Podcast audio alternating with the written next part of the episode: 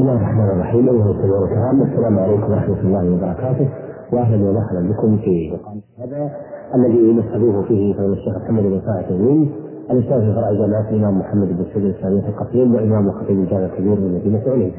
مرحبا شيخ محمد. مرحبا بكم وأهلا. آه شيخ محمد كنا نتحدث عن الأخطاء التي تقع من الحجاج في الطواف وأخذنا طرفا منها. فهل لنا أن نسمع البقيه؟ الحمد لله رب العالمين وصلى وسلم على نبينا محمد خاتم النبيين وعلى آله وأصحابه أجمعين. نعم هناك أخطاء آه، يفعلها بعض الحجاج في الطواف هو ما سبق أن ذكرناه وهي الرمل في جميع الأشواط الرمل في جميع الأشواط مع أن المشروع أن يكون الرمل في الأشواط الثلاثة الأولى. فقط لأن النبي صلى الله عليه وسلم إنما رمل هو أصحابه في الأشواط الثلاثة الأولى فقط. وأما الأربعة الباقية فيمشي على ما هو عليه على عادته. وكذلك الرمل لا يكون إلا للرجال وفي الطواف أول ما يقدم إلى مكة. سواء كان ذلك طواف قديم أم طواف عمرة. ومن الأخطاء أيضا أن بعض الناس يخصص كل شوط بدعاء معين. وهذا من البدع التي لم ترد عن رسول الله صلى الله عليه وسلم ولا أصحابه. فلم يكن النبي صلى الله عليه وسلم يخص كل شوط بدعاء ولا أصحابه أيضا. وغايتنا في ذلك أنه صلى الله عليه وسلم كان يقول بين الركن اليماني والحجر الأسود ربنا آتنا في الدنيا حسنة وفي الآخرة حسنة وقنا عذاب النار. وقال عليه الصلاة والسلام إنما جعل الطواف بالبيت وبالصفا والمروة ورمي الجمار لإقامة ذكر الله. وتزداد هذه البدعة خطأ إذا حمل الطائف كتيبا كتب فيه لكل شوط دعاء وهو يقرأ هذا الكتيب ولا يدري ماذا يقول. إما لكونه جاهلا باللغة العربية ولا يدري ما المعنى. وإما لكونه عربيا ينطق باللغة العربية ولكنه لا يدري ما يقول. حتى إن نسمع حتى إننا نسمع بعضهم يدعو بأدعية. هي في الواقع محرفة. تحريفا بينا. من ذلك أننا سمعنا من يقول اللهم أغنني بجلالك عن حرامك. والصواب بحلالك عن حرامك. لا ومن ذلك أننا نشاهد بعض الناس يقرأ هذا الكتيب فإذا انتهى دعاء الشيخ وقف ولم يدعو في بقية شوطه وإذا كان المطاف خفيفا وانتهى الشيخ قبل انتهاء الدعاء قطع الدعاء. ولو أن نعم ودواء ذلك دواء ذلك أن يبين للحجاج بأن الإنسان في الطواف يدعو بما شاء وبما أحب. ويذكر الله تعالى بما شاء. فإذا بين للناس هذا زال الإشكال. ومن الأخطاء أيضا وهو خطأ عظيم جدا أن بعض الناس يدخل في الطواف من باب الحجر. أي المحجر الذي على شمال الكعبة يدخل من باب الحجر ويطلق ويأخذ من الباب الثاني في أيام الزحام يرى أن هذا أقرب وأسهل وهذا خطأ عظيم لأن من يفعل ذلك لا يعتبر طائفا للبيت والله تعالى يقول وليطوفوا بالبيت العتيق والنبي صلى الله عليه وسلم طاف بالبيت من وراء الحجر. فإذا طاف الإنسان من داخل الحجر فإنه لا يعتبر طائفا بالبيت فلا يصح طوافه. وهذه مسألة خطيرة لا سيما إذا كان الطواف ركنا كطواف العمرة وطواف الإفاضة. ودواء ذلك أن يبين للحجاج أنه لا يصح الطواف إلا بجميع البيت ومثل الحج. لا وبهذه المناسبة أود أن أبين أن كثيرا من الناس يطلقون على هذا الحجر اسم حجر إسماعيل. والحقيقة أن إسماعيل لا يعلم به وأنه ليس حجرا له وإنما هذا الحجر حصل حين قصرت النفقة على قريش حين أرادوا بناء الكعبة فلم تكفي النفقة لبناء الكعبة على قواعد إبراهيم فحطموا منها هذا الجانب وحجروه بهذا الجدار وسموا حطيما وحجرا. وإلا فليس لإسماعيل فيه أي علم أو أي عمل. لا ومن الأخطاء أيضا أن بعض الناس لا يلتزم بجعل الكعبة عن يساره فتجده يطوف معه نساؤه ويكون قد وضع يده مع يد يمينه لحماية النساء. فتجده يطوف والكعبة خلف ظهره. وزميله الآخر يطوف والكعبة بين يديه.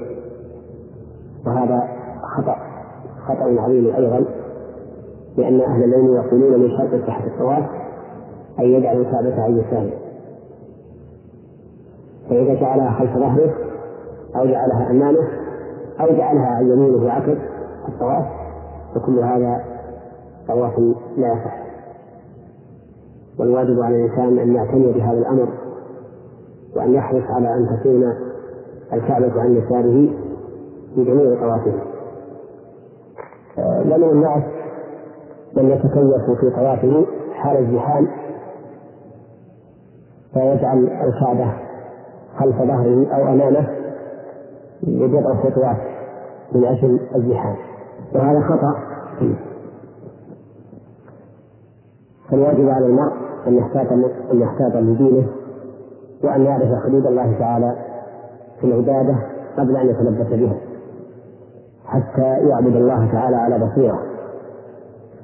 وإنك لتعجب أن الرجل إذا أراد أن يسافر إلى بلد يجهل طريقها فإنه لا يسافر إليها حتى يسأل ويبحث عن هذا الطريق وعن الطريق السهل ليصل إليها براحة وطمأنينة وبدون ضياع أو ضلال أما في أمور الدين فإن كثيرا من الناس مع الأسف يتلبس بالعبادة وهو لا يدري حدود الله تعالى فيها. وهذا من القصور من التقصير نسأل الله لنا ولإخوان المسلمين الهداية. وأن يجعلنا ممن يعلمون حدود ما أنزل الله على رسوله. ومن الأخطاء في الطواف أيضا أن بعض الطائفين يستلم جميع أركان الكعبة الأربعة. الحجر الأسود والركن اليماني والركن الشامي والركن العراقي يظنون أنهم بذلك يعظمون بيت الله عز وجل. بل من بل من الناس من يتعلق بأسكان الكعبة من جميع الجوانب وهذا أيضا من الخطأ.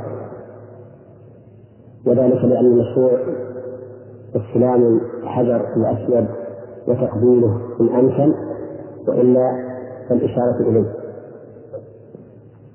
أما الركن اليماني فالمشروع استلامه بدون تقديم إن تيسر وإنما تيسر فلا يشير إليه أيضا لأنه لم يرد عن النبي صلى الله عليه وسلم. أما استلام الركن العراقي وهو أول ركن يمر به بعد الحجر الأسود. والثاني وهو الركن الذي يليه فهذا من البدع. وقد أنكر عبد الله بن عباس رضي الله عنهما على معاوية بن أبي سفيان رضي الله عنه استلام جميع الأركان. وقال له لقد رأيت رسول الله صلى الله عليه وسلم يستلم الركنين اليمانيين وقد كان لكم في رسول الله أسوة حسنة. فقال معاوية رضي الله عنه صدقت. ورجع إلى قول عباس بعد أن كان رضي الله عنه يستلم الاركان الاربعه ويقول ليس شيء من البيت مهجورا. ومن الأخطاء في الطواف رفع الصوت بالدعاء. فإن بعض الطائفين يرفع صوته بالدعاء رفعا مزعجا يذهب الخشوع ويسقط هيبة البيت ويشوش على الطائفين. والتشويش على الناس في عباداتهم أمر منكر. فقد خرج النبي صلى الله عليه وسلم على أصحابه يوما ذات ليلة خرج النبي صلى الله عليه وسلم على أصحابه ذات ليلة وهم يقرؤون ويجهرون بالقراءة في صلاتهم فأخبرهم عليه الصلاة والسلام بأن كل مسلم ربه ونهاهم أن يظهر ونهاهم أن يظهر بعضهم على بعض في القرآن أو في القراءة. وقال لا يؤذين بعضكم بعضا. ولكن بعض الناس نسأل الله لنا ولهم الهداية في المطاف يدعون ويرفعون أصواتهم بالدعاء. وهذا كما أن فيه المحظورات التي ذكرناها وهو إرهاب التشويق وسقوط هيبة البيت والتشويش على على الطائفين. فهو مخالف لظاهر قوله تعالى ادعوا ربكم تضرعا وخفية إنه لا يحب المعتدين. هذه الأخطاء التي ذكرناها في الطواف نرجو الله سبحانه وتعالى أن يهدي إخواننا المسلمين لإصلاحها حتى يكون طوافهم موافقا لما جاء عن رسول الله صلى الله عليه وسلم فإن خير الهدي هدي محمد صلى الله عليه وسلم وليس الدين يؤخذ بالعاطفة والليل ولكنه يؤخذ بالتلقي عن رسول الله صلى الله عليه وسلم. ومن الأخطاء العظيمة الطواف. أن بعض الناس يبتدئ من عند باب الكعبة لا يبتدئ من الحجر الأسود. والذي يبتدئ من عند باب الكعبة ويتم طوافه على هذا الأساس. لا يعتبر مسلما بالطواف. لأن الله عز وجل يتطوف بالبيت العتيق. وقد بدأ النبي صلى الله عليه وسلم من الحجر الأسود وقال للناس اتبعوا عني مناسككم. وإذا ابتدأ من عند الباب أو من دون محاذاة الحجر الأسود ولو قليل فإن هذا الشوط الأول الذي ابتدأه يكون لا غير لأنه لم يكن وعليه أن يأتي ببدنه إن ذكر قريبا وإلا فليعد الطواف من أوله. لا والحكومة السعودية وفقها الله قد وضعت خطا ظليا ينطلق من حذاء قلب الحجر الأسود إلى آخر المطاف ليكون علامة على ابتداء الطواف والناس من بعد وجود هذا الخط صار خطأه في هذه الناحية قليلا. لكنه يوجد من بعض الجهال وعلى كل حال فعلى المرء أن ينتبه لهذا الخطأ لئلا يقع في خطر عظيم من عدم تمام طواف لا نعم أيضا حينما ذكرتم هذا خط وفق الله من وضعه بعض الحجاج إذا زائم الخط وقف طويلا ثم حجر إخوانه على ان يستمروا في الطواف فما حكم الوقوف على هذا الخط والدعاء طويل؟ الوقوف عند هذا الخط لا يحتمل وقوفا طويلا بل يستقبل الإنسان الحجر ويشير إليه ويكبر ويمشي نعم. وليس هذا موقف موقفا يقال فيه الوقوف.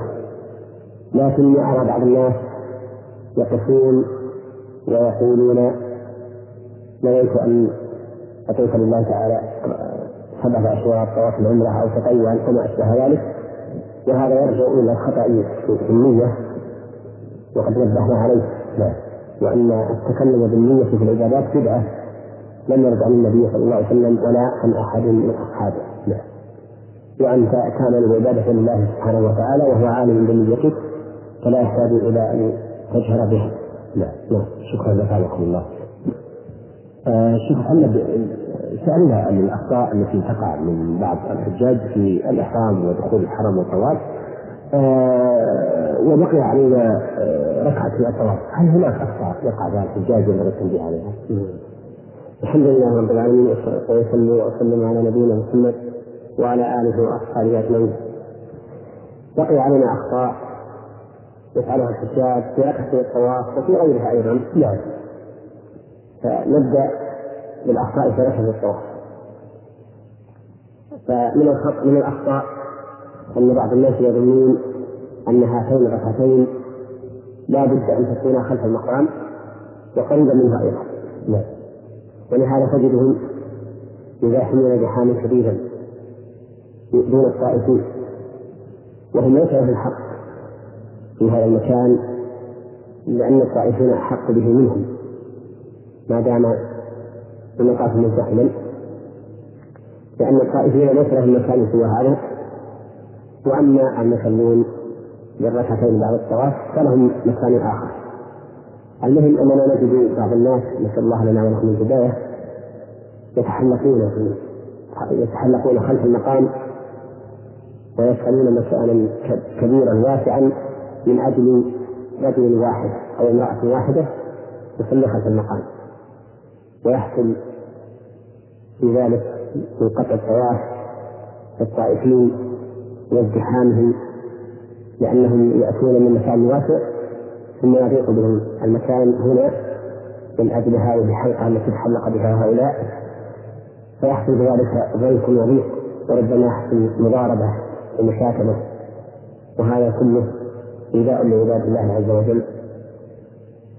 وتحجر لمكان غيره في بأولى وهذا الفعل لا يشك عاقل عرف مصادر الشريعة ومواردها أنه محرم وأنه لا يجوز لما فيه من إيذاء المسلمين وتعريض طواف الطائفين للفساد أحيانا لأن الطائفين أحيانا باشتباكهم مع هؤلاء يدعون ليس إما خلفهم وإما أمامهم مما يخل بشرط من شروط الطواف.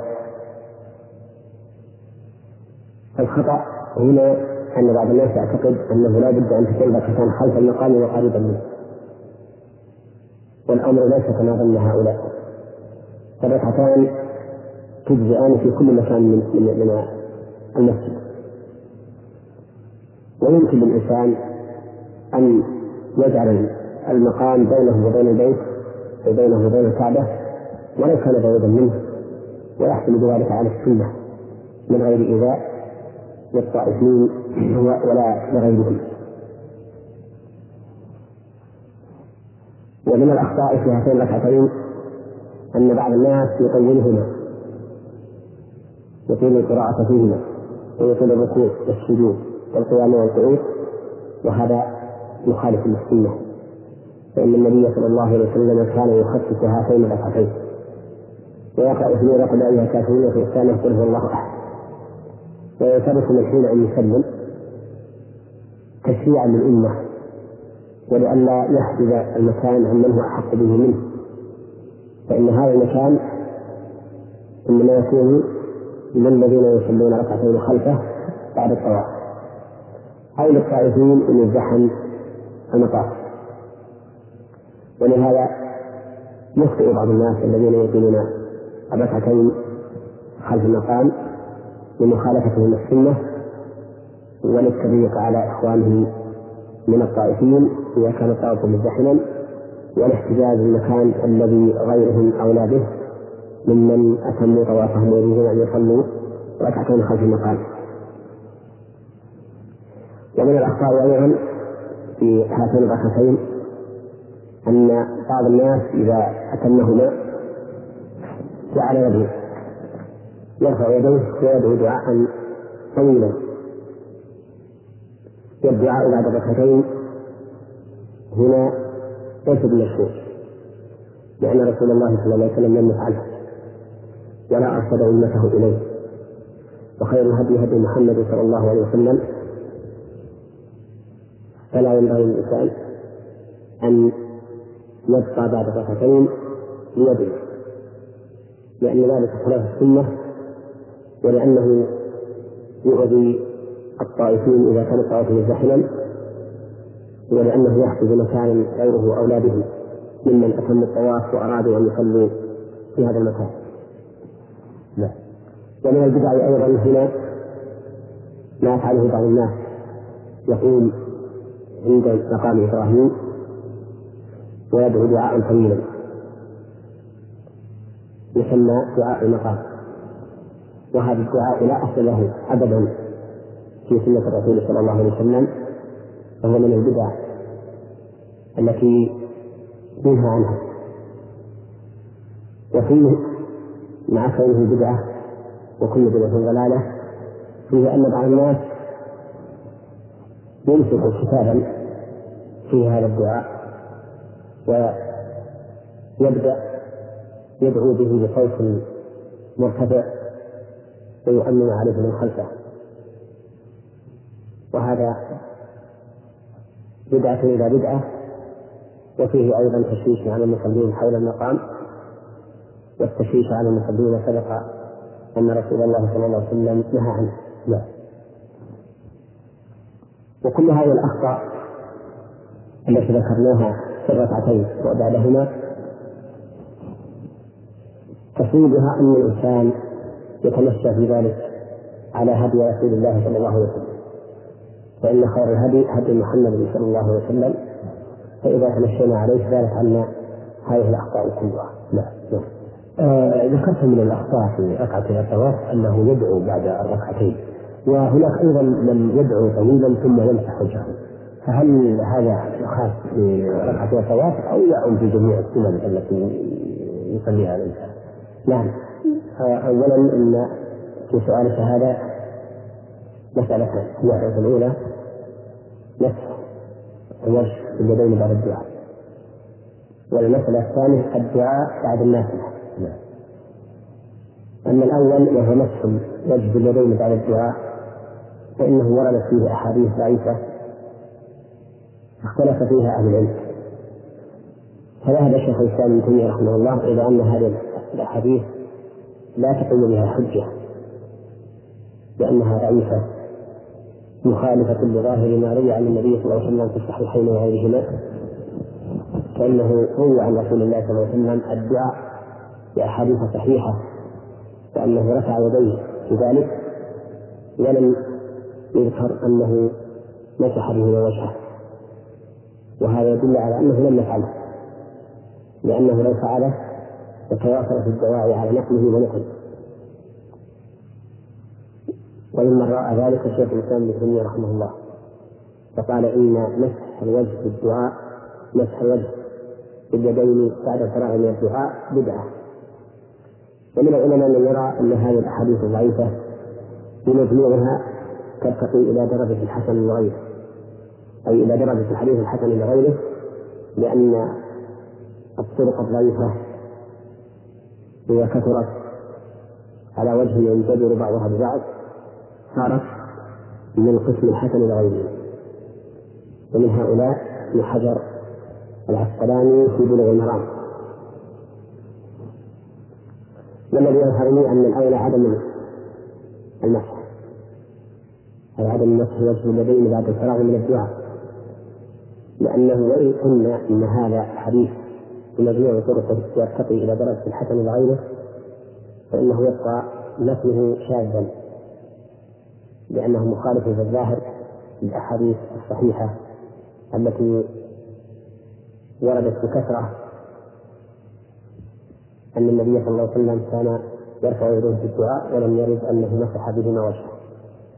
وعلى كل حال فلا أتجاسر على القول بأن ذلك بدعة ولكني أرى أن الأفضل أن لا يمسح ومن مسح فلا ينكر عليه. نعم هذا بالنسبة للفقرة الأولى من سؤالك أما بالنسبة للثانية وهي الدعاء بعد النافلة فإن الدعاء بعد النافلة إن اتخذه الإنسان سنة راتبة بحيث يعتقد أنه يشرع كلما سلم من الناس أن يدعو فهذا أخشى أن يكون بدعة لأن ذلك لم يرد عن النبي عليه الصلاة والسلام. فما أكثر ما صلى رسول الله صلى الله عليه وسلم النفل ولم يرد عنه أنه صلى الله عليه وسلم كان يدعو بعده ولكان هذا من المشروع لسنه النبي صلى الله عليه وسلم بأمته إما بقوله أو بفعله أو بإقراره. ثم إنه ينبغي أن يعلم أن الإنسان ما دام في صلاته فإنه يناجي ربه. فكيف يكون أو فكيف يليق بالإنسان أن يدع الدعاء في الحال التي يناجي فيها ربه ثم يأخذ بالتضرع بعد انصرافه من صلاته وانقطاع مناجاته لله عز وجل في صلاته. فكان الأولى هي الأجود بالإنسان أن يجعل الدعاء أقل الصلاة ما دام في الحال التي يناشي فيها ربه. وهذا المعنى أشار إليه الشيخ الإسلام ابن تيمية وهو معنى حسن جيد. فإذا أردت أيها الأخ المسلم أن تدعو الله عز وجل فاجعل دعاءك قبل الصلاة.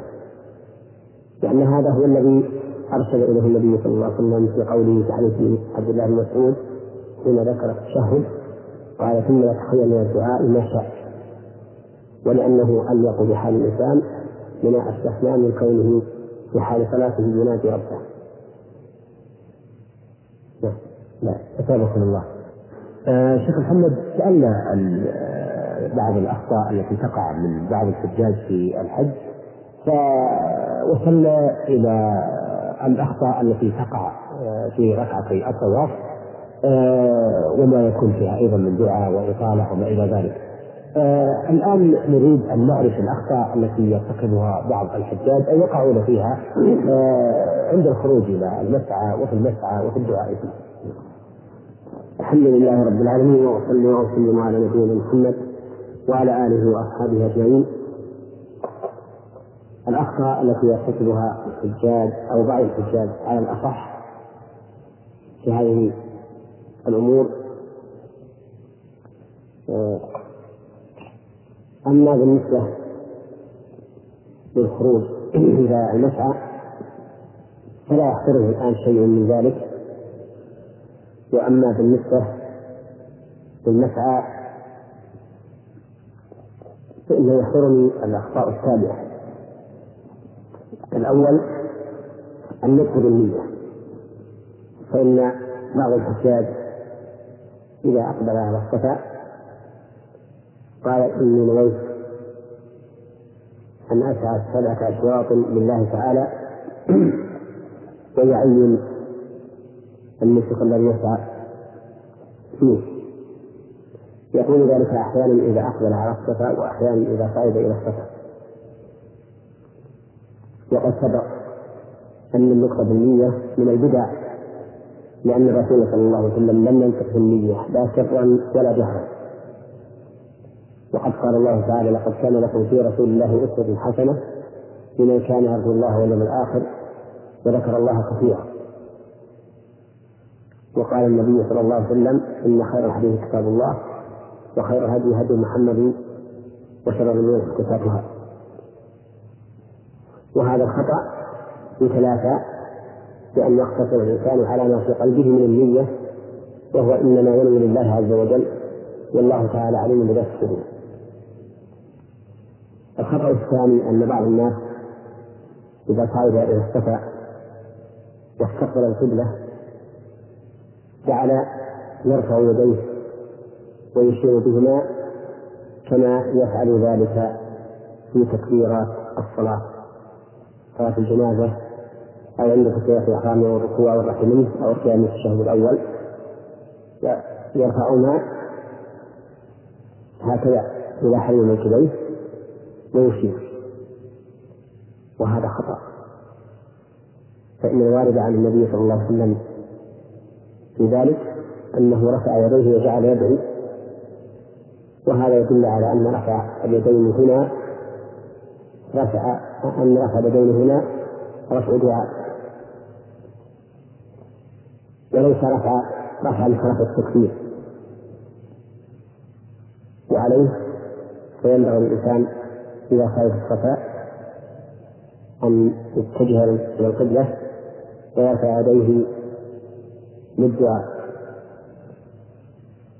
ويأتي بالذكر الوارد عن النبي صلى الله عليه وسلم في هذا المقام ويدعو كما ورد عن رسول الله صلى الله عليه وسلم. الخطأ الثالث أن بعض الحجاج يمشي بين الصفا والمروة مشيا واحدا. مشيه المعتاد. ولا يلتفت إلى السعي الشديد بين العلمين الأخضرين وهذا خلاف السنة. فإن رسول الله صلى الله عليه وسلم كان يسعى سعيا شديدا في هذا المكان. أعني في المكان الذي بين العلمين الأخضرين وهما إلى الصفاء أقرب منهما إلى المروة. فالمشروع الإنسان إذا وصل إلى العلم الأول إلى العلم الأخضر الأول الذي يلي الصفاء أن يسعى سعيا شديدا بقدر ما يتحمله بشرط أن لا يتأذى ولا يؤذي أحدا بذلك.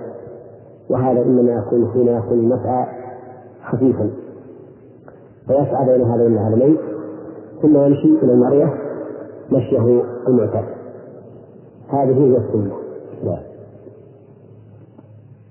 الخطأ الرابع على العكس من ذلك فإن بعض الناس إذا كان يسعى تجده يرمل في جميع السعي من الصفا إلى المروة ومن المروة إلى الصفا فيحصل في ذلك مفسدتان أو أكثر. المسألة الأولى مخالفة السنة. والمسألة الثانية الإسقاط على نفسه. فإن بعض الناس يجد المشقة الشديدة في هذا العمل لكنه يتحمل بناء على اعتقاده أن ذلك هو السنة. الرجل يرمل من الصفا إلى المرأة ومن المرأة إلى الصفا وهكذا حتى ينهي سعيه ومن الناس من يفعل ذلك لا تحريا للخير ولكن حبا للعجلة وإنهاء السعي بسرعة. وهذا شر مما قبله لأن هذا ينبئ عن تبرم الإنسان بالعبادة وملله منها وحبه الفرار منها. والذي ينبغي للمسلم أن يكون قلبه مطمئنا وصدره منشرحا بالعبادة يحب أن يتعنى فيها على وجه المشروع الذي جاءت فيه سنة رسول الله صلى الله عليه وسلم. أما أن يفعلها وكأنه يريد الفرار منها فهذا دليل على نقص إيمانه وعدم اطمئنانه في العبادة. والمسألة الثانية من الرمل في جميع أشواط السعي. بل المسألة الثالثة لأن ذكرنا مسألتين المسألة الأولى مخالفة السنة والثانية الإشفاق على نفسه المسألة الثالثة أنه يؤذي السعي فأحيانا يصطدم بهم ويؤذيهم وأحيانا آه، يكون خاطما عليهم فيتأذون بذلك. فنصيحتي لإخوان المسلمين في هذا المقام أن يتأسوا برسول الله صلى الله عليه وسلم فإن هديه خير الهدي. وأن يمشوا في جميع الأشواط إلا فيما بين العالمين فإنهم يسعون سعيا شديدا كما ورد عن النبي صلى الله عليه وسلم. ما لم يتأذوا بذلك أو يؤذوا غيرهم الخطأ الخامس أن بعض الناس يتلو قوله تعالى إن الصفا والمروة من شاعر الله في كل شيء. كلما أقبل على الصفا وكلما أقبل على المروة. وهذا خلاف السنة. فإن السنة الواردة عن رسول الله صلى الله عليه وسلم في تلاوة هذه الآية أنه تلاها حين بنى من الصفا. بعد أن أتم الطواف وركض الطواف وخرج إلى المسعى فلما دنا من الصفا قرأ إن الصفا والمروة من شعائر الله أبدأ بما بدأ الله به. إشارة منه صلى الله, صلى الله عليه وسلم أنه إنما أنه إنما جاء ليسعى لأن هذا من شعائر الله عز وجل وأنه إنما بدأ من الصفا لأن الله تعالى بدأ به. فتكون تلاوة هذه الآية مشروعة عند ابتداء السعي إذا دنا من الصفا وليست مشروعة كلما دنا من الصفا في كل شوط ولا كلما دنا من المروة. وإذا لم تكن مشروعة فلا ينبغي للإنسان أن يأتي بها إلا في الموضع الذي أتى بها فيه رسول الله صلى الله عليه وسلم. الله.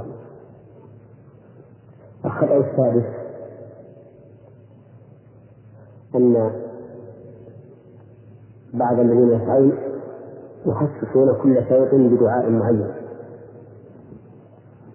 وقد سبق أن هذا من البدع وأن النبي صلى الله عليه وسلم لم يكن يخصص كل شوط بدعاء معين لا في الطواف ولا في السعي أيضا. وإذا كان هذا من البدع فإن رسول الله صلى الله عليه وسلم قال كل بدعة ضلالة. وعليه فاللائق بالمؤمن أن يدع هذه الأدعية وأن يشتغل بالدعاء الذي يرغبه ويريده. يدعو بما شاء من خير الدنيا والآخرة. ويذكر الله. ويقرأ القرآن. وما أشبه ذلك من الأقوال المقربة إلى الله سبحانه وتعالى. فإن رسول الله صلى الله عليه وسلم قال إنما جعل الطواف بالبيت وبالصفا والمروة ولم الجمار لإقامة ذكر الله. نعم. الخطأ. السابع الدعاء للكتاب لا يعرف معناه. فإن كثيرا من الكتب التي بأيدي الحجاج لا يعرف معناها بالنسبة لحاملها. وكأنهم يقرؤونها تعبدا لله تعالى بتلاوة ألفاظها لأنهم لا يعرفون المعنى لا سيما إذا كانوا غير عالمين باللغة العربية. وهذا من الخطأ. أن تدعو الله سبحانه وتعالى بدعاء لا تعرف معناه. والمشروع لك أن تدعو الله سبحانه وتعالى بدعاء تعرف معناه. وترجو حصوله من الله عز وجل. وعليك فالدعاء بما تريده أنت. بالصيغة التي تريدها ولا تخالف الشرع. أفضل بكثير من الدعاء بهذه الأدعية التي لا تعرف معناها. وكيف يمكن لشخص أن يسأل الله تعالى شيئا وهو لا يدري ماذا يسأله وهل هذا إلا من ضياعة الوقت والجهل؟ ولو شئت لقلت إن هذا من سوء الأدب مع الله عز وجل. أن تدعو الله سبحانه وتعالى بأمر لا تدري تريد منه. الخطأ الثامن البداءة بالمروة فإن بعض الناس يبدأ بالمروة جهلا منه. يظن أن الأمر سواء. فيما إذا بدأ من الصفا أو بدأ من المروة أو يسوقه السيار سيار الخارجين من المسجد. حتى تكون المرأة أقرب إليه من الصفا فيبدأ بالصفا. نعم نعم. آه، فيخرج من باب يكون تكون المرأة إليه أقرب من الصفا فيبدأ بالمروة. جهلا منه. وإذا بدأ الساعي بالمروة فإنه يلغي الشوط الأول. فلو فرضنا أنه بدأ بالمروة وأتم سبعة أشواط فإنه لا يصح منها إلا ستة. لأن الشوط الأول يكون لاغيا وقد أشار النبي صلى الله عليه وسلم إلى وجوب البداءة بالصفاء حيث قال أبدأ بما بدأ الله به. الخطأ إذا شيخ محمد نظرا إلى أن الحلقة انتهى وقتها وتوقفنا عند هذه الثمانية على أن نكمل البقية إن شاء الله في اللقاء القادم مع التعليق على بعض هذه المسائل إذا كان هناك أسئلة حولها. طيب هذاكم الله. لا لا في هذا الشيخ محمد في لقائنا السابق سألناكم عن الأخطاء التي تقع في السعي وفي المسعى وقلتم أن هناك مجموعة من الأخطاء ذكرتم منها من هذه الأخطاء النطق بالنية ورفع اليدين على الصفا والمروة كما ترفع على الصلاة يعني يشار بها وترك السعي الشديد بين العالمين والرمل أيضا في جميع السعي من الصفا إلى المروة ومن المروة إلى الصفا. وتخصيص كل صوت بدعاء والدعاء من كتاب لا يعرف الداعي معناه ثم البداءة بالمروة.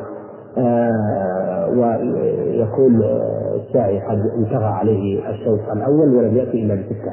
هل هناك أخطاء غير هذه الأخطاء في المسعى أو في السعي؟ نعم. الحمد لله رب العالمين وأصلي وسلم على نبينا محمد وعلى آله وأصحابه أجمعين.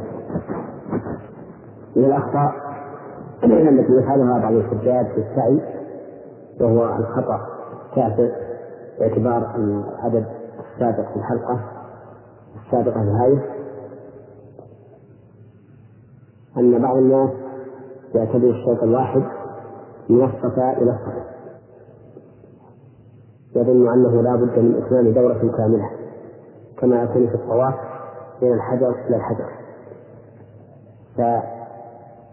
فيبدأ بالصفا وينتهي إلى المروة ويجعل هذا بعد الشوط لا كله. فإذا رجع من المروة إلى الصفا اعتبر هذا شوطا واحدا. وعلى هذا فيكون سعيه أربعة أربعة عشر شوطا وهذا أيضا خطأ عظيم وضلال بين فإن رسول الله صلى الله عليه وسلم سعى بين الصفا والمروة سبعة أشواط لكنه ابتدأ بالصفا واختتم بالمروة وجعل الذهاب من الصفا إلى المروة شوطا والرجوع من المروة إلى الصفا شوطا آخر. نعم. وهذا الذي يقع من بعض الحجاج إنما يكون جهلا منهم بالسنه وتفريطا منه في عدم تعلم. وقد أشرنا مرارا إلى أنه ينبغي بل يجب على المسلم إذا أراد أن يفعل عبادة أن يتعلم حدود ما أنزل الله فيها قبل أن يفعلها وهذا التعلم من فروض الاعيان لأنه لا يستقيم دين المرء إلا به. أعني تعلم حدود ما أنزل الله في عبادة يريد الإنسان أن يفعلها. وليفرض الأعيان فيجب عليه أن يتعلم حدود ما أنزل الله في هذه العبادة ليعبد الله تعالى على بصيرة. الخطأ العاشر السعي في غير مسلم. يعني أن بعض الناس يتعبد لله تعالى بالسعي بين الصفا والمروة في غير نسك أو في غير حج ولا عمره يظن أن التطوع بالسعي مشروع كالتطوع بالطواف. وهذا أيضا خطأ. والذي والذي يدلنا على هذا أنك تجد بعض الناس في زمن العمرة أو في غير زمن الحج يسعى بين الصفا والمروة بدون أن يكون عليه ثياب الإحرام مما يدل على أنه محل فإذا سألت فإذا سألته لماذا فعلت؟ قال لأني أتعبد لله عز وجل بالسعي كما أتعبد بالطواف وهذا جهل مركب جهل مركب لأنه صار جاهلا بحكم الله وجاهلا بحاله حيث ظن أنه عالم وليس بعالم. أما إذا كان السعي في زمن الحج بعد الوقوف بعرفة فيمكن أن يسعى الإنسان وعليه ثيابه ثيابه المعتادة لأنه يتحلل برمي جمرة العقبة يوم العيد وبالحلق أو التقصير ثم يلبس ثيابه ويأتي إلى مكة ليطوف ويسعى بثيابه المعتادة. على كل حال أقول إن بعض الناس يتعبد لله تعالى بالسعي من غير حج ولا عمرة وهذا لا أصل له بل هو بدعة ولا يقع غالبا إلا من شخص جاهل. لكنه يعتبر من الأخطاء في السعي الخطأ الحادي عشر التهاون بالسعي على العربة بدون عذر. فإن بعض الناس يتهاون بذلك ويسعى على العربة بدون عذر مع أن كثيرا من أهل العلم قالوا إن السعي راكبا لا يصح إلا لعذر. وهذه المسألة مسألة خلاف بين العلماء أي أنه هل يشترط في السعي أن يكون ماشيا إلا من عذر أو لا يشترط؟ ولكن الإنسان ينبغي له أن يحتاط لدينه وأن يسعى ماشيا ما دام قادرا فإن عجز فلا يكلف الله نفسا إلا وسعها. قد قال النبي صلى الله عليه وسلم لأم سلمة حين قالت إني أريد أن أطوف وأجدني شاكية قال طوفي من وراء الناس وأنت راكبة فأذن لها بالركوب في الطواف لأنها مريضة. وهكذا نقول في السعي. إن الإنسان إذا كان لا يستطيع أو يشق عليه السعي مشقة تتعبه فلا حرج عليه أن يطوف أن يسعى على العرب على العربة. لا لا هذا ما يحضرني من الأخطاء في السعي. آه، فضيلة الشيخ محمد آه، من المعروف أن الصفا آه، ضيق والمروة أضيق أيضا منه. نرى النساء يصعدن إلى الصفا والمروة. ويزاحمن الرجال. فهل من السنة صعود المرأة على الصفا؟ المعروف عند الفقهاء أنه لا يسمى للمرأة أن تصعد الصفا والمروة وإنما تقف عند أصولهما. ثم تنحرف لتأتي بتقلية الأشواط لكن لعل هؤلاء النساء اللاتي شهدنا قاعدات على الصفا والمروة يكن مع محارمهن ولا ولا يتسمى لهن مفارقة المحارم لأنهن يخشون من يخشون من الضياع لا. وإلا فمن الأولى بالمرأة أن لا تزاحم الرجال في أمر ليس مطلوب منها. آه، أيضا ذكرتم من الأخطاء ترك السعي الشديد بين العلمين الأخضرين وذكرتم أنه آه، أقرب إلى الصفا. العلمين أقرب إلى الصفا وذكرتم أن السعي يكون في الذهاب من الصفا إلى المروة. فهل يلزم أيضا السعي الشديد في العودة بين العلمين الأخضرين من المروة إلى الصفا؟ نعم السعي الشديد ليس بلازم لكن الأفضل. نعم. أن يسعى سعي شديدا بين العلمين في ذهابه من الصفا إلى المروة وفي رجوعه من المروة إلى الصفا.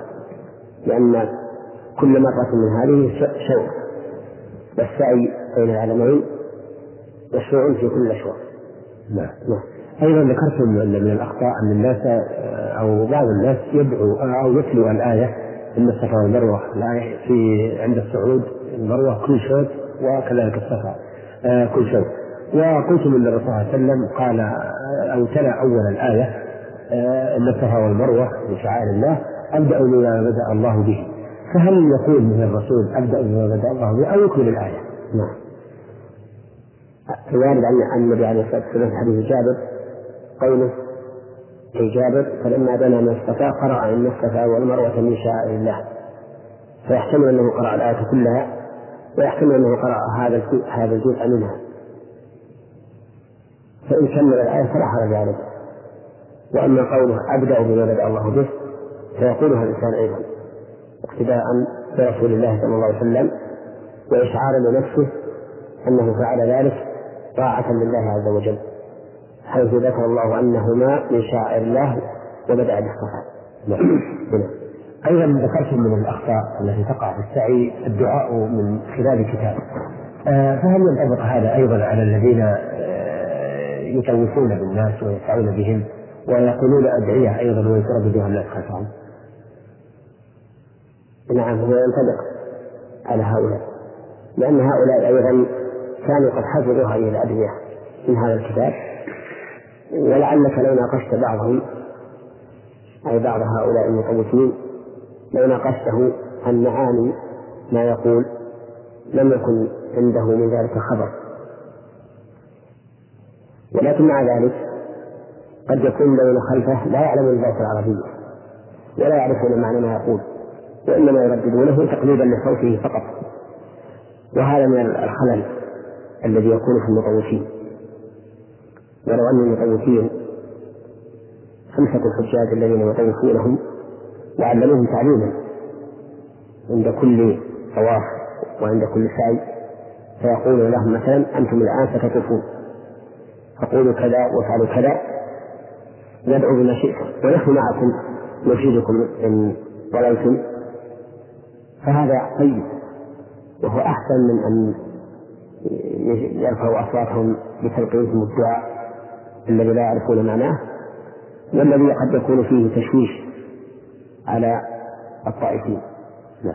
فهم إذا قالوا نحن أمامكم وأنتم مثل كذا يعني أشيروا مثلا إلى الحجر أو استلموه تيسر لكم أو ما أشبه ذلك وقولوا كذا وكبروا عند محاذاة الحجر الأسود يقول بينه وبين الركن اليماني ربنا آتنا في الدنيا حسنة وفي الآخرة حسنة وقنا عذاب النار. إلى غير ذلك من التوجيهات لكان هذا أنفع بالحاد وأخشى. أما أن يؤتى بالحاد وكأنه دبر يقلد بالقول والفعل هذا المخوف ولا يدري عن شيء أبدا. وربما لو قيل له بعد ذلك قف ما استطاع أن يطوف لأنه ما لم يعرف الطواف وإنما كان يمشي ويردد وراء هذا المطوف فهذا هو الذي أرى أنه أنفع للمطوفين وأنفع للطائفين أيضا. نعم نعم. أثابكم الله. بالنسبة للتقصير والحلق آه، بعد آه، السعي آه، للعمرة أو الإحلال أيضا للحج في منى هل هناك أخطاء؟ نعم في الحلق أو التقصير في العمرة يحصل أخطاء. منها أن بعض الناس يحلق بعض رأسه حلقا تاما بالموس ويبقي البقية. وقد شاهدت ذلك بعيني. وقد شاهدت رجلا يسعى بين الصفا والمروة وقد حلق نصف رأسه تماما. وأبقى شعره أو أبقى شعر بعضه وهو شعر كثيف أيضا لين فأمسكت به وقلت له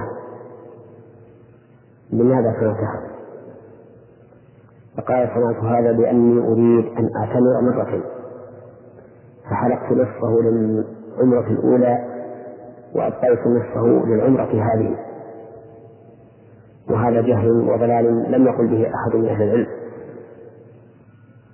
ومن الخطأ أيضا أن بعض الناس إذا أراد أن يتحلل من العمرة قصر شعرات قليلة من رأسه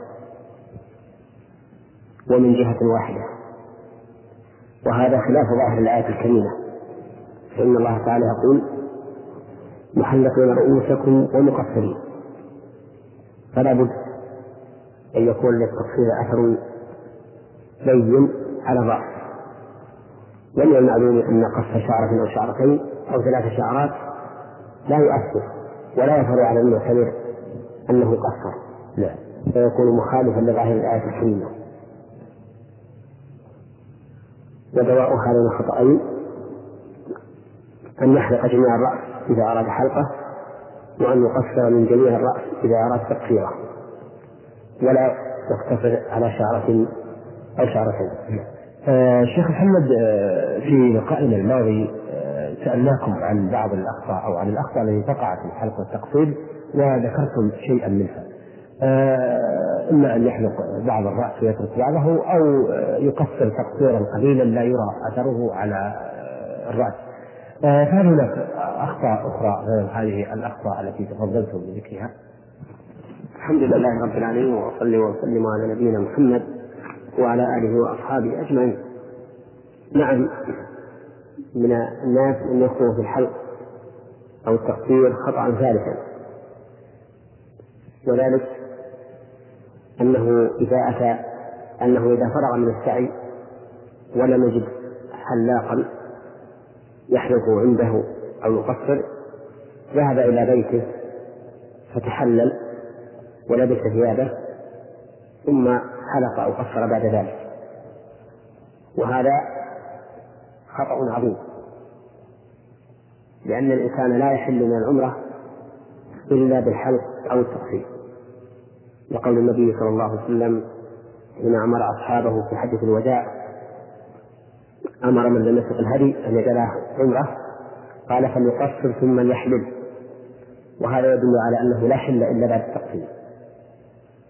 وعلى هذا فإذا فرغ الحاج من السعي ولم يجد حلاقا أو أحدا يقصره يقصر رأسه فليبقى على إحرامه حتى يحلق أو يقصر. ولا يحل له أن يتحلل قبل ذلك. فلو قدر أن شخصا فعل هذا جاهلا بأن تحلل قبل أن يحلق أو يقصر ظنا منه أن ذلك جائز فإنه لا حرج عليه لجهله ولكن يجب عليه حين يعلم أن يخلع ثيابه ويلبس ثياب الإحرام لأنه لا يجوز له التمادي في الحلم مع علمه بأنه لم يحل. ثم إذا حلق أو قصر تحلل. نعم. نعم. إذا هذه الأخطاء. هذا ما يحصل الآن من الأخطاء في الحلق أو التقصير آه بالنسبة للإحرام والتروية هل هناك أخطاء يرتكبها الحجاج وما علاجها؟ نعم هناك أخطاء في الإحرام في الحج يوم التروية. فمنها ما سبق. ذكره من الأخطاء عند الإحرام بالعمرة وهو أن أن بعض الناس يعتقد وجوب الركعتين للإحرام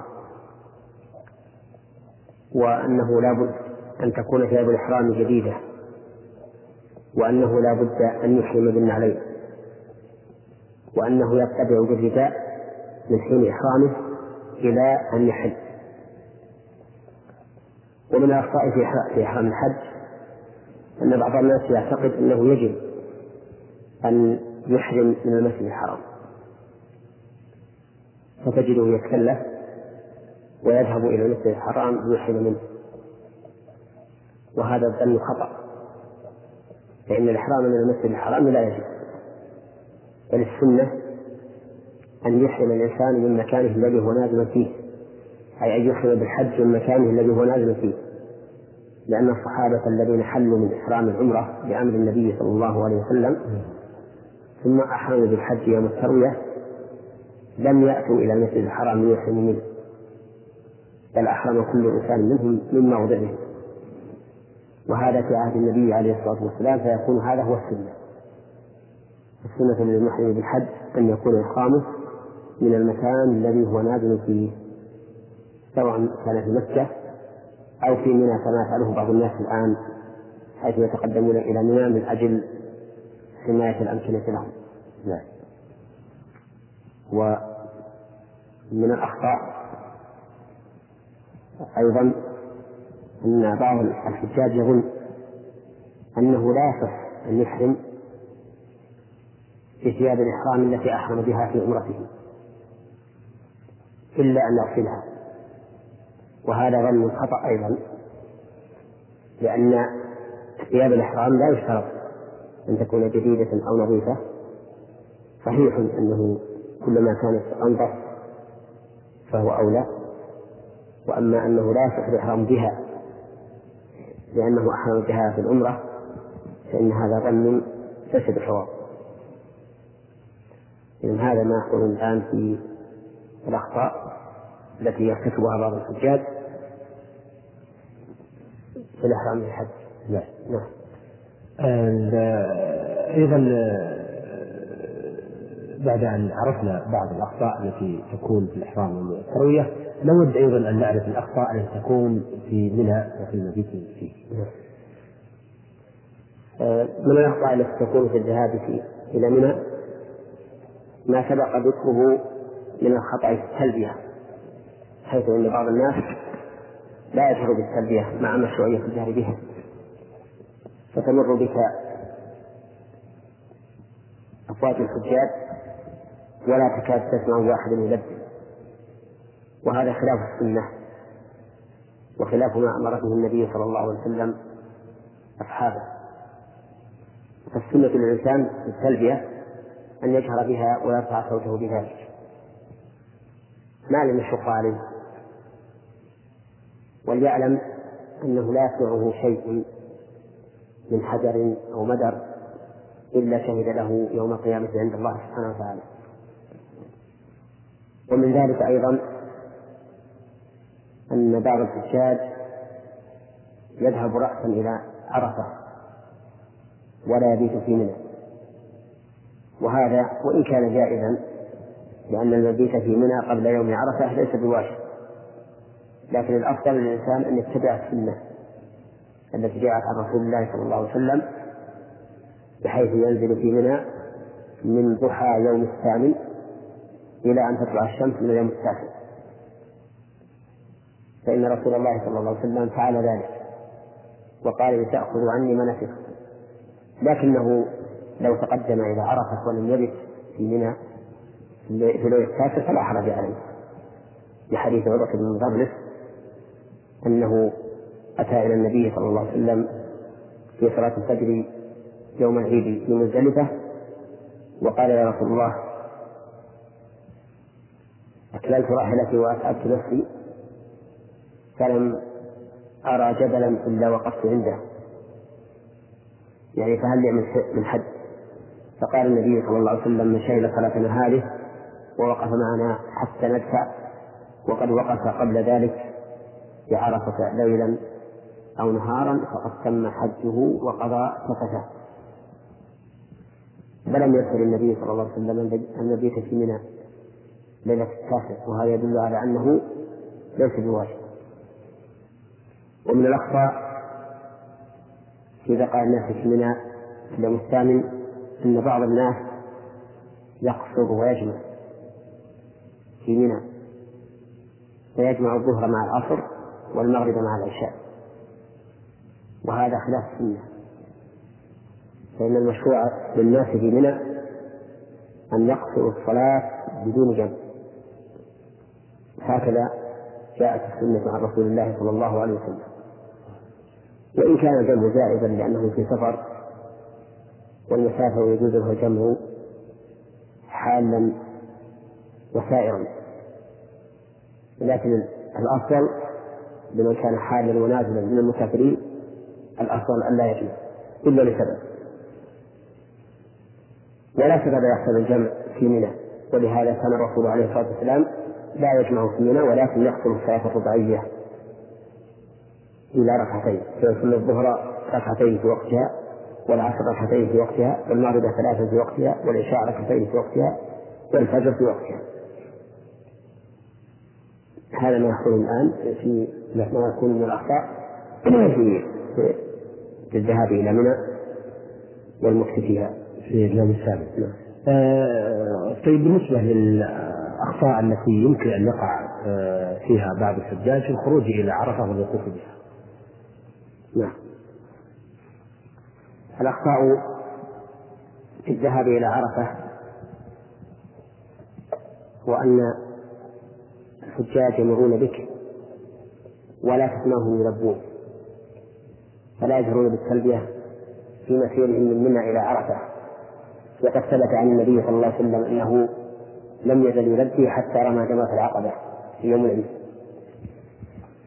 ومن الأخطاء العظيمة الخطيرة في الوقوف بعرفة أن بعض الحجاج ينزلون قبل أن يصلوا إلى عرفة. ويبقون في منزلهم في منزلهم حتى تزول الشمس. ويمكثون هناك إلى أن تغرب الشمس. ثم ينطلقون منه إلى مزدلفة. وهؤلاء الذين وقفوا هذا الموقف ليس لهم حد. لقول النبي عليه الصلاة والسلام الحج عرفة. فمن لم يقف بعرفة في المكان الذي هو منها وفي الزمان الذي عين للوقوف بها فإن حجه لا يصح. الحديث الذي أشرنا إليه. وهذا أمر خطير. والحكومة وفقها الله. الحكومة السعودية وفقها الله عز وجل. قد جعلت علامات واضحة بحدود عرفة. لا تخفى إلا على رجل مفرط متهاون. فالواجب على كل حال أن يتفقد الحدود حتى يعلم أنه وقف في عرفة لا خارجها ومن الأخطاء في الوقوف بعرفة أن بعض الناس إذا اشتغلوا بالدعاء في آخر النهار تجدهم يتجهون إلى الجبل. الذي وقف عنده رسول الله صلى الله عليه وسلم. مع أن القبلة تكون خلف ظهورهم أو عن أيمانهم أو عن شمائلهم. وهذا أيضا جهل وخطأ. فإن المشروع في الدعاء يوم عرفة أن يكون الإنسان مستقبل القبلة. سواء كان الجبل أمامه أو خلفه أو عن يمينه أو عن شماله. وإنما استقبل النبي صلى الله عليه وسلم الجبل لأن موقفه كان خلف الجبل.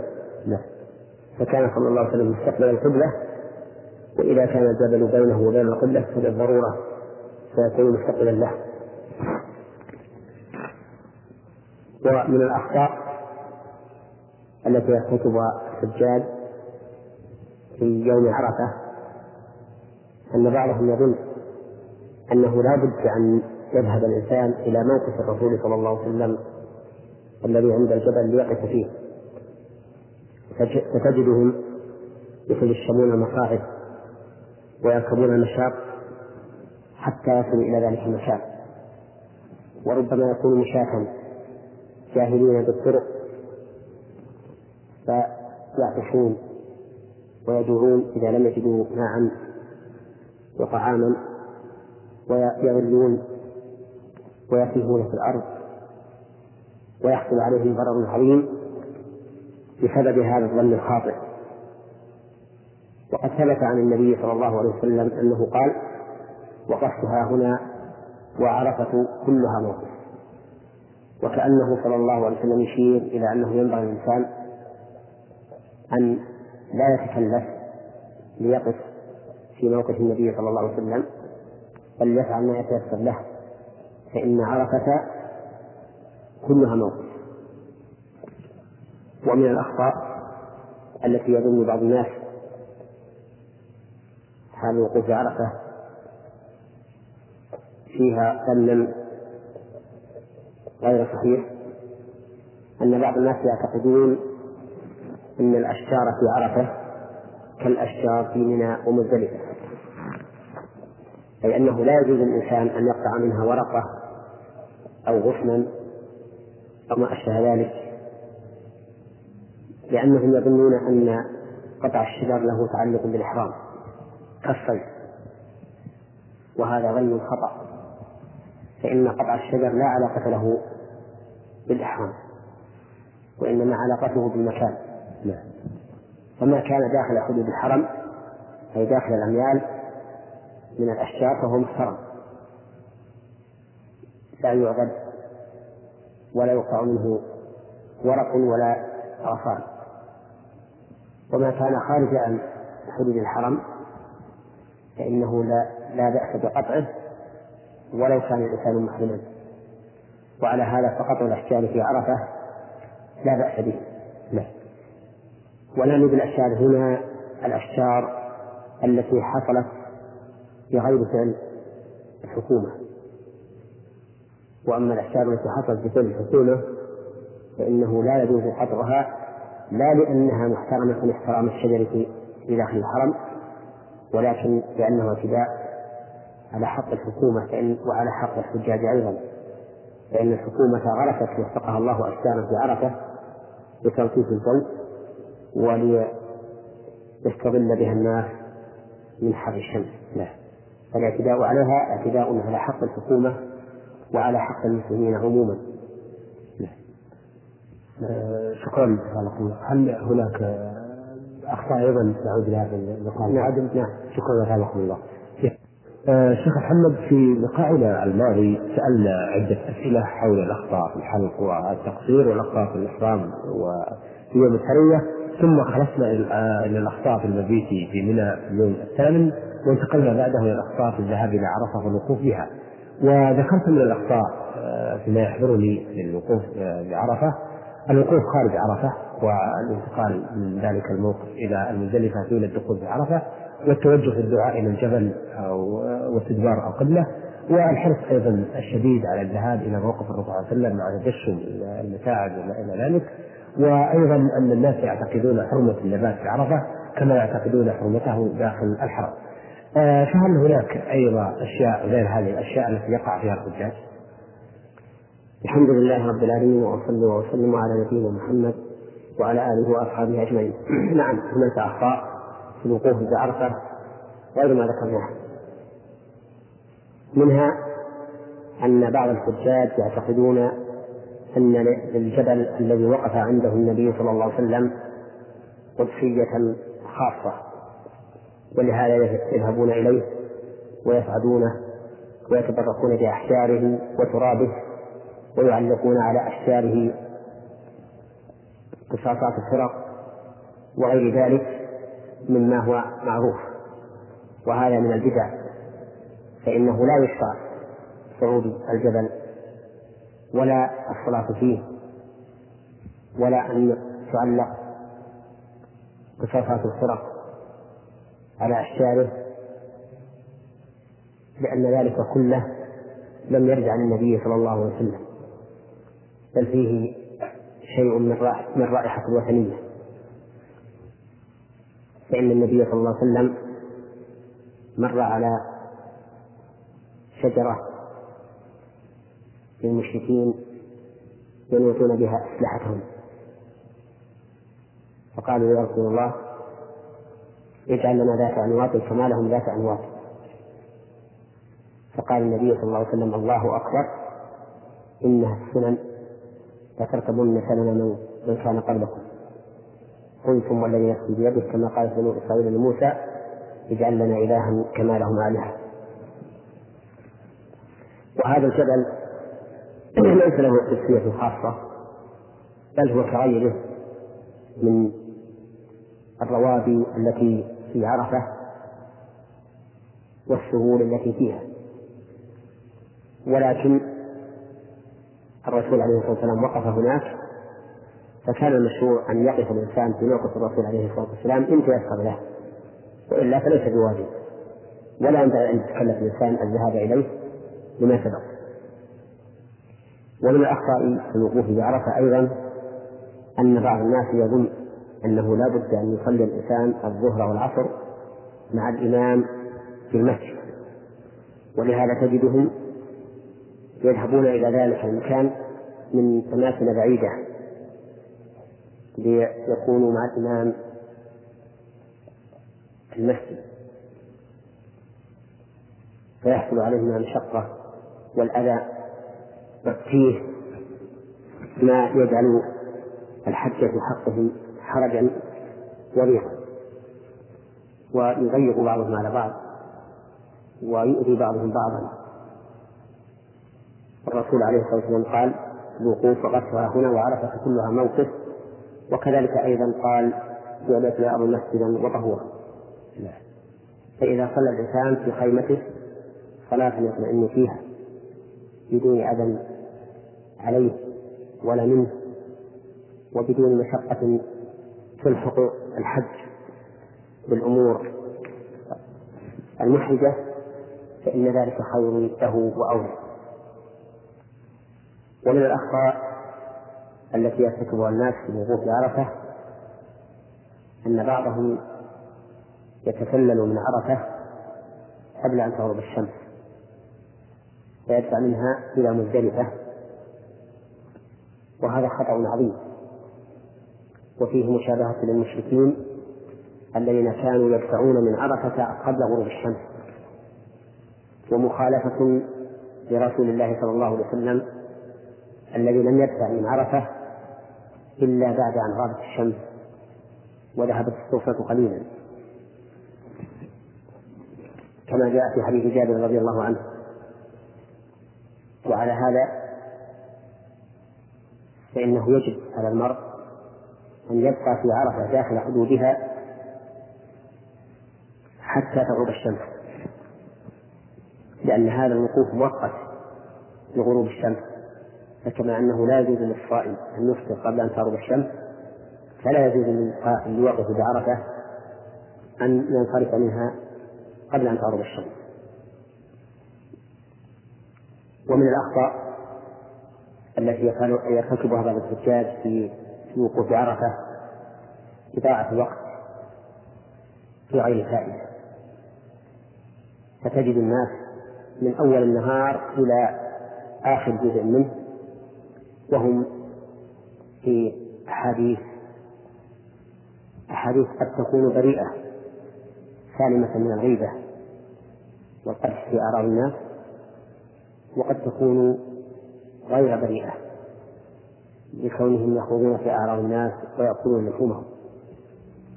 فإن كان الثاني فقد وقعوا في محذورين أحدهما أكل لحوم الناس وغيبتهم وهذا خلل حتى في الإحرام. لأن الله تعالى يقول فمن فرض فيهن الحج فلا رفث ولا فسوق ولا جدال في الحج.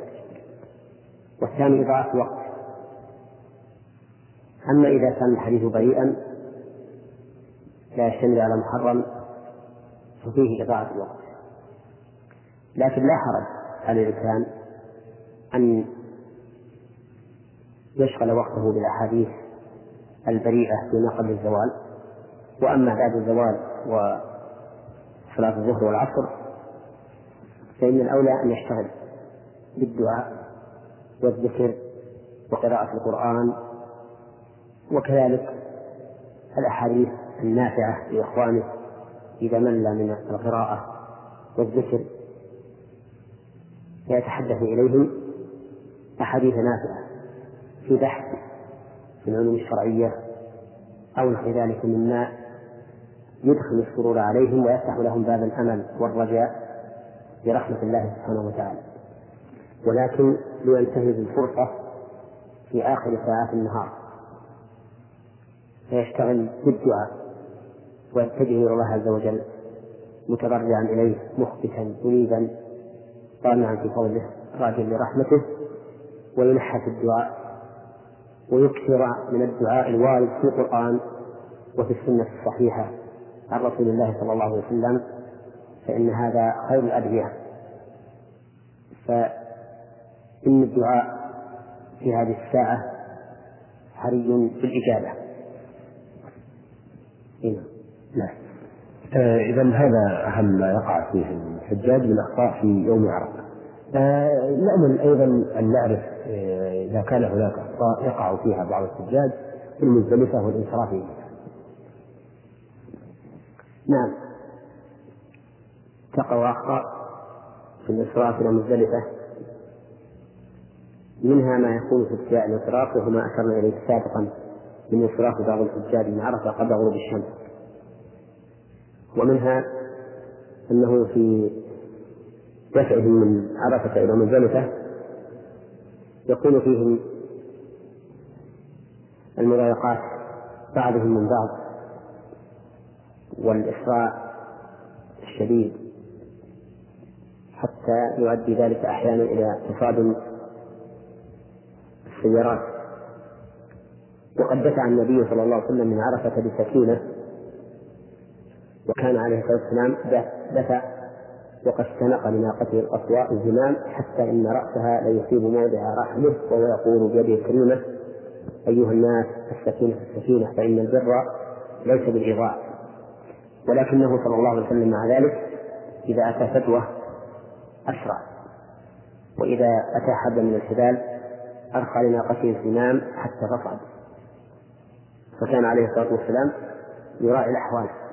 في مسيره هذا ولكن إذا دار الأمر بين كون الإسراء أفضل أو أو التأني فالتأني أفضل. ومن الأخطاء في مزدلفة والدفع إليها أن بعض الناس ينزلون قبل أن يصلوا إلى مزدلفة ولا سيما المشاة منهم. يعيهم المشي ويتعبهم فينزلون قبل أن يصلوا إلى مزدلفة ويبقون هنالك حتى يصلوا الفجر ثم ينصرفوا منه إلى منى. ومن فعل هذا فإنه قد فاته المبيت في مزدلفة وهذا أمر خطير جدا لأن المبيت في مزدلفة ركن من أركان الحج عند بعض أهل العلم وواجب من واجباته عند جمهور أهل العلم. وسنة في قول بعضهم ولكن الصواب أنه واجب من واجبات الحج وأنه يجب على الإنسان أن يبيت في مزدلفة وألا ينصرف إلا في المواضع أو إلا في الوقت الذي أجاز الشارع له فيه الانصراف كما سيأتي إن شاء الله تعالى. إن شاء الله. المهم أن بعض الناس ينزل قبل أن يصل إلى مزدلفة. ومن الأخطاء أيضا أن بعض الناس يصلي المغرب والعشاء في الطريق على العادة قبل أن يصل إلى مزدلفة وهذا خلاف السنة. فإن النبي صلى الله عليه وسلم لما نزل في أثناء الطريق وبلى وتوضأ قال له أسامة بن زيد وكان رفيقه الصلاة يا رسول الله؟ قال الصلاة أمامك وبقي عليه الصلاة والسلام ولم يصلي إلا حين وصل إلى مزدلفة وكان قد وصلها بعد دخول وقت العشاء فصلى فيها المغرب والعشاء جمع تأخير